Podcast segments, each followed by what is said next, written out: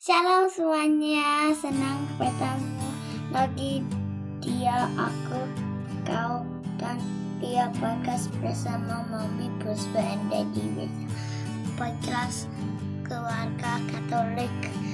Selamat mendengarkan dan semoga memberkati. Shalom teman-teman semuanya, uh, senang banget bisa ketemu lagi di uh, episode kali ini.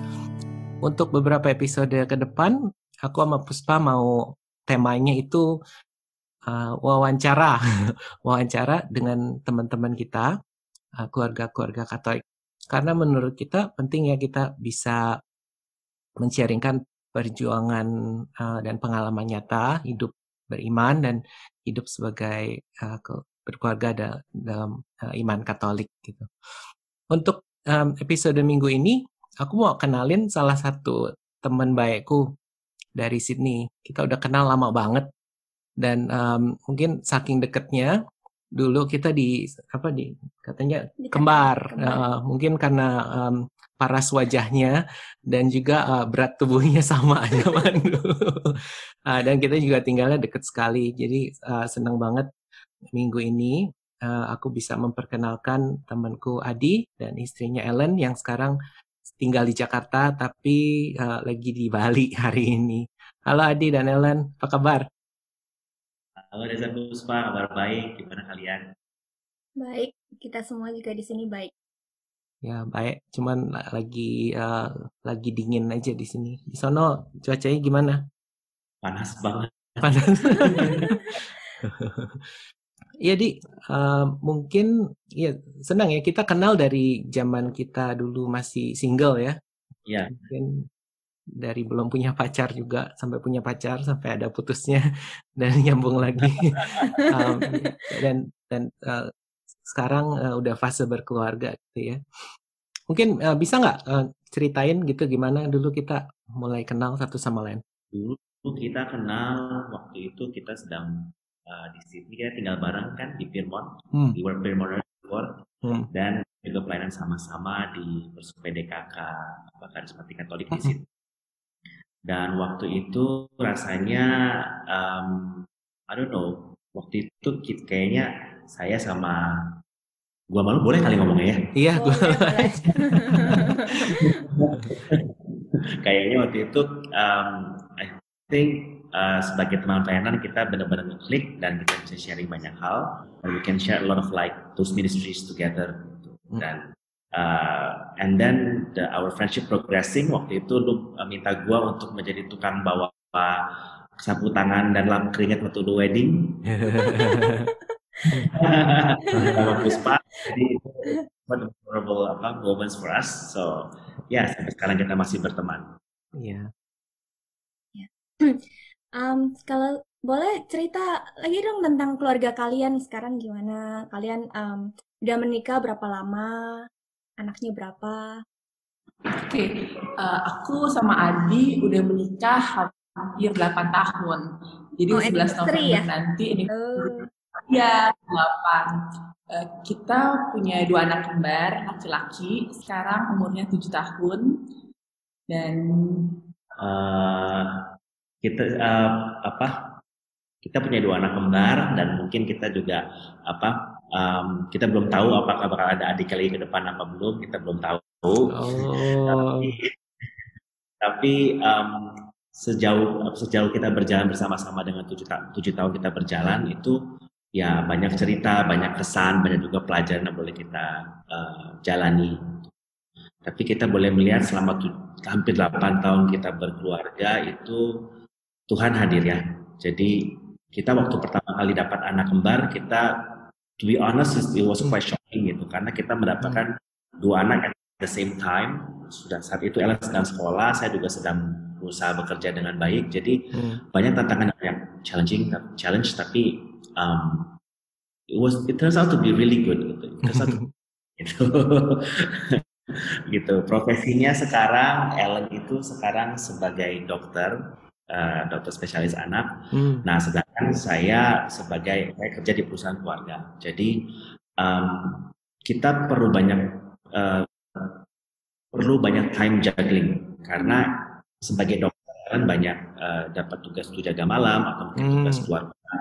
Hmm. Nah, saya juga di bidang transport, saya juga agak sering keluar kota. Nah, jadi ada tiga prioritas kita yang saat ini bukan setiga hal terpenting yang harus kita uh, hmm. harus kita atur dengan baik, hmm. yaitu uh, timetable Ellen di rumah sakit, timetable saya sering keluar kota, dan juga uh, keinginan kita dan prioritas kita untuk memegang anak-anak secara on hand. Itu. Hmm. Sibuk hmm. banget ya, itu, itu ngurusin usaha sendiri dan dokter kan uh, itu long hours ya istilahnya gitu. Jadi uh, gimana tuh cara uh, kalian tuh balance um, balance waktu gitu ya kan. Working long hours berarti banyak banyak harus hadir present di, di kerjaan. Tapi juga kan uh, punya anak kembar yang masih kecil kan sekarang. Ya um, itu juga um, parenting kan sesuatu yang penting ya buat kalian. Gimana tuh cara juggle-nya? Aku sama Adi sih pertama komunikasi ya. Hmm. itu yang paling penting sih.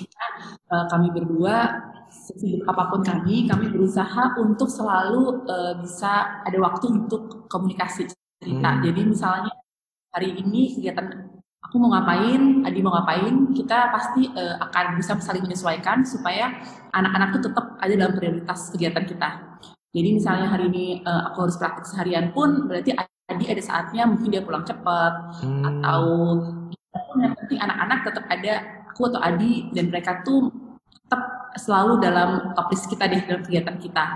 Demikian juga Adi, kalau misalnya Adi udah ada jauh-jauh hari jadwal mesti keluar kota, berarti aku tuh berusaha banget kosongin jadwal supaya bisa stay sama anak-anak. Dan so far puji Tuhan sih uh, kalau komunikasi selama ada komunikasi sih kita merasa masih bisa uh, mengurus anak-anak dengan baik ya. Meskipun tetap sih kadang-kadang orang tua bantu kita juga jaga kalau memang hmm. pas kita sama lagi nggak ada mungkin salah satu keuntungannya di Indonesia ya deket keluarga jadi tetap bisa minta orang tua untuk membantu kita kalau memang aku adil berhalangan banget. Hmm. Jadi prioritas buat kalian anak-anak ya? Iya. Oke. Terus gimana cara uh, keluarga kalian tetap melayani Tuhan? Kan pasti udah susah kan um, keluarga prioritas anak-anak juga pekerjaan. Tapi aku lihat kalian juga masih ada cara gitu untuk melayani Tuhan. Gimana tuh?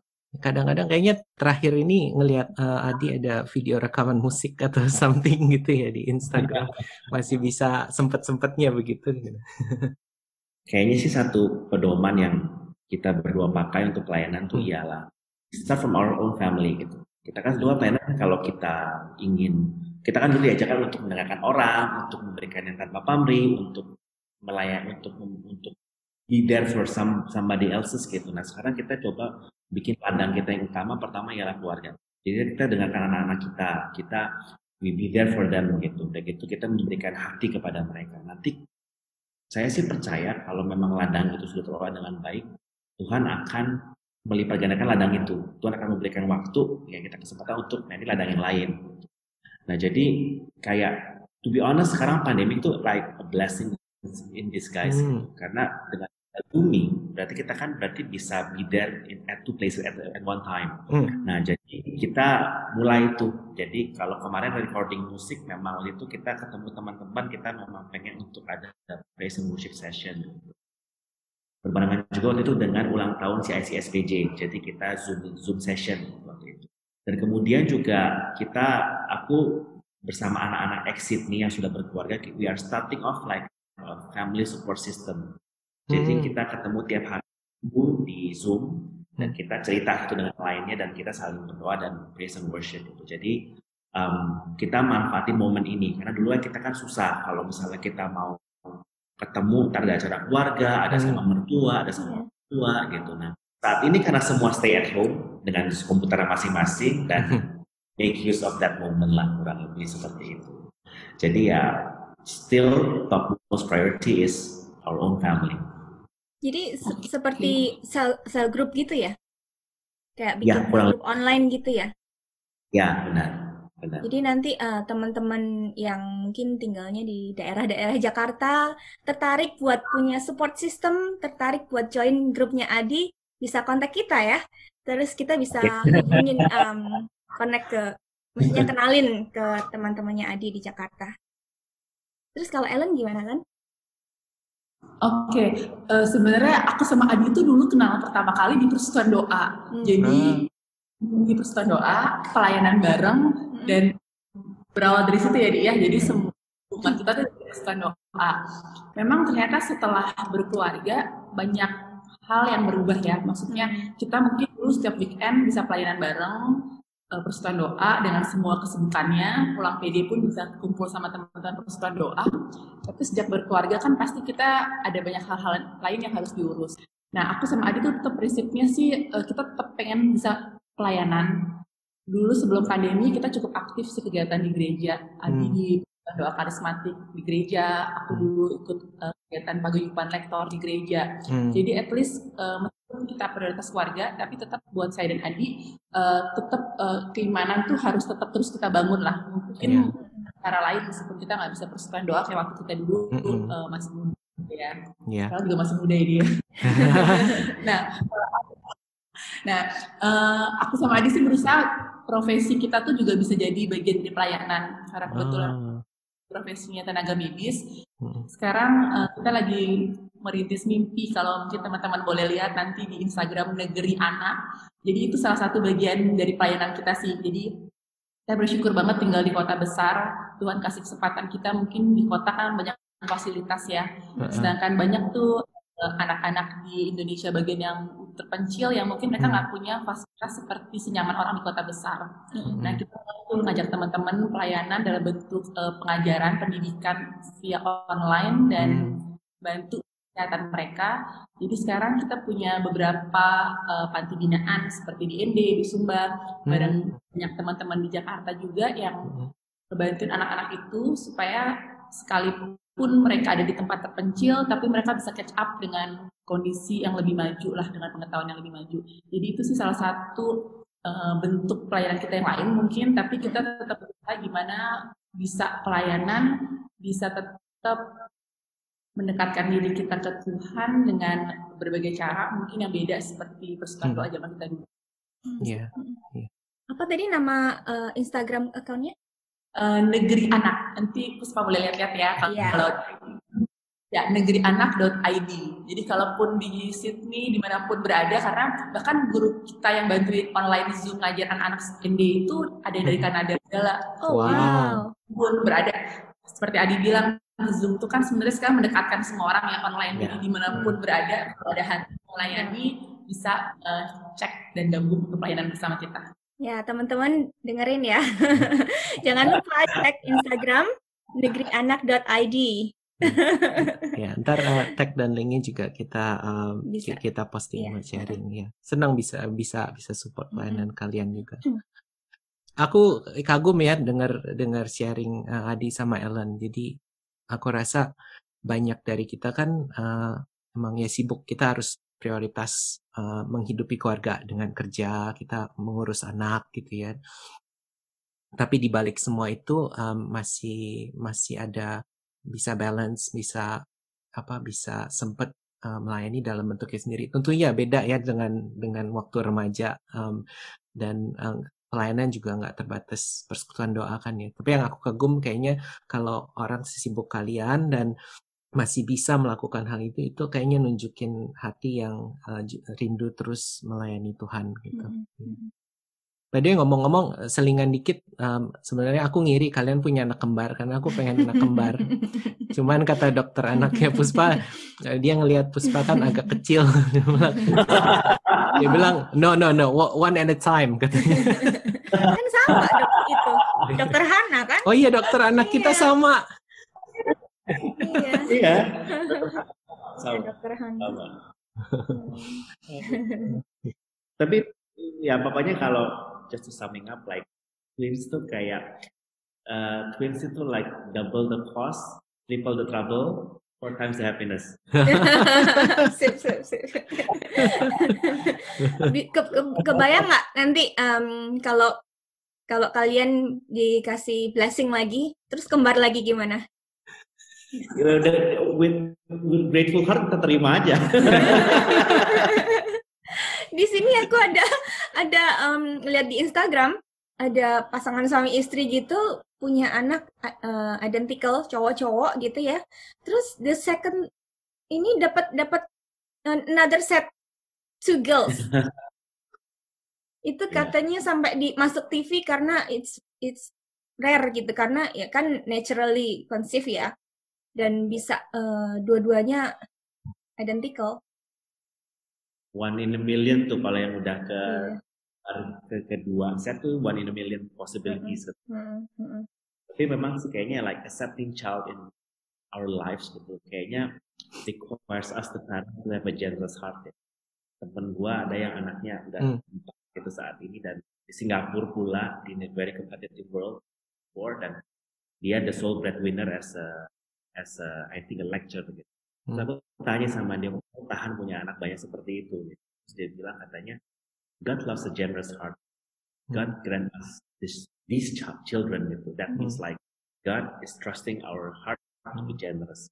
Hmm. Aku pikir, aku pikir kayak benar juga ya kalau kita jadi parents tuh kita memang harus generous heart karena kita mesti give them our time, our affection, our our resources, everything for for their well-being gitu. Nah makanya pikir-pikir children actually trains us to be generous gitu. So ya udah. Iya. Banyak It's belajar dari being a parent itu mengubah kita. Iya. Karakter kita, ya kan? Karakter kita ya juga diubah. Um, ya tentunya untuk bisa nantinya bisa hidup kekal di surga. ya, yeah, that's that's that's that's that's a way of to look for it. Yeah. Um, aku ada pertanyaan nih, mungkin mungkin banyak couple yang berkeluarga juga apa sering sering bertanya gitu. Gimana sih kalian tuh menjaga kemesraan satu sama lain?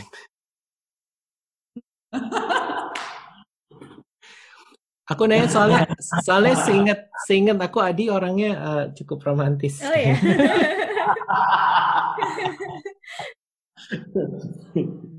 Um, paling kita selalu menyempatkan waktu sih. Kan Senin nah. sampai Jumat itu selalu kerja ya mayoritas. Yeah. Least Sabtu itu kita berusaha kalau bisa ada waktu kita pergi berdua. Kalau oh, pandemi, wow. ya paling kalau pandemi kita biasa suka titipin anak ke nginep di rumah grandpa grandmanya. Yeah. Jadi at least aku sama punya waktu tetap bisa berdua. Ya bisa dibilang time berdua lah. Hal kecil apa pun saya kalau dulu sih kita bisa nonton bareng atau out berdua jadi kita ada waktu meskipun udah padat banget ada waktu bareng aja tapi memang sih kayaknya ada shifting ya. Jadi misalnya gini kalau dulu kita pas waktu masa pacaran nggak tahu mungkin kita sama Puspa kita kan ngomong kayak oh darling hidup kita ke depan bakal gini bakal gini. Pokoknya indah semuanya gitu. Nah setelah menikah itu kan kadang-kadang our world revolves around our children kan. Yeah. nah kadang-kadang lagi meet time berdua ngomongin anak juga empat juga ya gak sih? Yeah. maksudnya ya kita jujur aja gitu ngomongin anak lagi anak lagi anak, anak. oh my god gitu. Nah jadi apa uh, rasanya sih kalau aku sih mikir gini kadang-kadang kalau kita lagi ketemu berdua Ellen mungkin suka cerita banyak tentang negeri anak nya dia. Mm-hmm. Aku punya cerita tentang masalah aku punya keluarga apa kerjaan ataupun pelayanan. Nah, itu itu actually our me time is the chance to actually sit down and listen the other part. Hmm. Yang satu gitu. Karena karena misalnya lagi cerita tentang negeri anak gitu. Aku kadang mikir kayak apaan sih ketemu ngomongin ini lagi gitu. Tapi actually dengan kita diam dan mendengarkan tuh itu membawa kita membawa kedekatan yang lebih gitu. Karena kita tahu bahwa kita partner yang kita bisa cerita apa pun sama orang itu dan menurut aku me time kita nggak segmented segmenting sebagai me time gitu. Actually mm -hmm. every minute is a me time gitu. You just be there and be a good listener aja. Nanti if kalau ditanya mengenai pendapatnya apa ya kita kasih pendapat. So kita colong-colongan soalnya soalnya kita apa ya ada keterbatasan waktu jadi kalau dia lagi cerita apa dengerin aja kita cerita apa dia dengerin juga gitu. okay. jadi jadi pokoknya minta cuma lima menit itu yang penting saya tahu oh I have her on my side gitu. udah oh, iya. iya jadi kayaknya saling berbagi itu menurutku saling berbagi hidup ya mm. dengan menceritakan yeah. this is my life and then yang satu lagi mendengarkan oh that's beautiful mm -mm, that's beautiful yeah um, jadi kayaknya apa uh, kencan itu udah nggak nggak selalu konservatif yang romantis uh, nonton atau dinner yeah, yeah. candlelight or special things tapi be there it's um, yeah. itu juga penting it's it's good thank you oke okay. oke okay. apa satu mimpi keluarga kalian yang belum tercapai nih sampai saat Ayo. ini hmm. Uh, mimpi banyak ya jadi kalau uh, Ellen mungkin gitu dia mimpi jadi profesor gitu. aku mimpi pengen jadi pengusaha logistik yang yang mendunia misalnya gitu tapi um, mungkin satu mimpi kita tuh yang terutama ya ialah melihat anak-anak kita berhasil ya hmm. itu yang paling utama buat dan berhasil dan beriman gitu karena kita sadar bahwa kita nggak akan ada selamanya buat mereka dan satu hal yang pengen kita ajarkan buat mereka ialah supaya mereka dapat berpegang kepada Tuhan hmm. secara pribadi gitu karena we are not gonna be there for the whole of time of their life gitu. Yeah. Jadi saya rasa sih saya juga percaya bahwa semua orang tua juga punya mimpi yang sama. Gitu. Memang sih mimpinya konservatif gitu, tapi hmm. kadang-kadang aku suka merenung gitu kok kayak mimpi gue cetek banget ya kayak cuma gini aja gitu. Kalau kita dulu kan suka mikir aduh mimpi pengen punya Ferrari lah pengen punya apa gitu. Yeah. tapi setelah di discern lagi gitu kayaknya bingung kalau tiba-tiba you are standing before the just God gitu terus tanya gitu oke okay, my son what have you done? gitu. Hmm. oh I, I, I have I have bought five Ferraris. Kayak kayak, kayak melihat gitu mungkin itu tuh kayak krik krik krik gitu kayak gimana gitu. Tiba-tiba ditanya sama Tuhan kamu udah ngapain aja? Saya bilang oh Tuhan I've raised the two children that you have entrusted me and they are now a son of yours. Kayaknya that's what I really want to say if I have to if I was being asked gitu. Jadi kalau mimpinya apa ya walaupun itu kayaknya flat banget tapi actually that's from the bottom of my heart. Hmm. That is our hmm. that, that our dream. Mau jadi profesor apa, Len? Anak. Adi itu. It's good. Mungkin teman-teman nggak bisa melihat, tapi Adi menutupi mukanya dengan kedua tangan.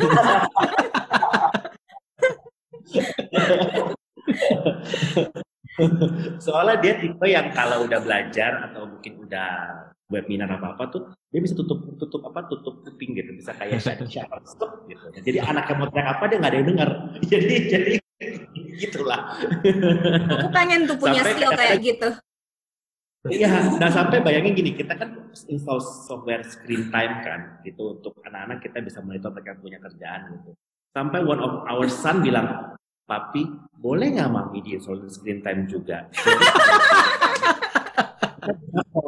punya mobile. Oh boleh.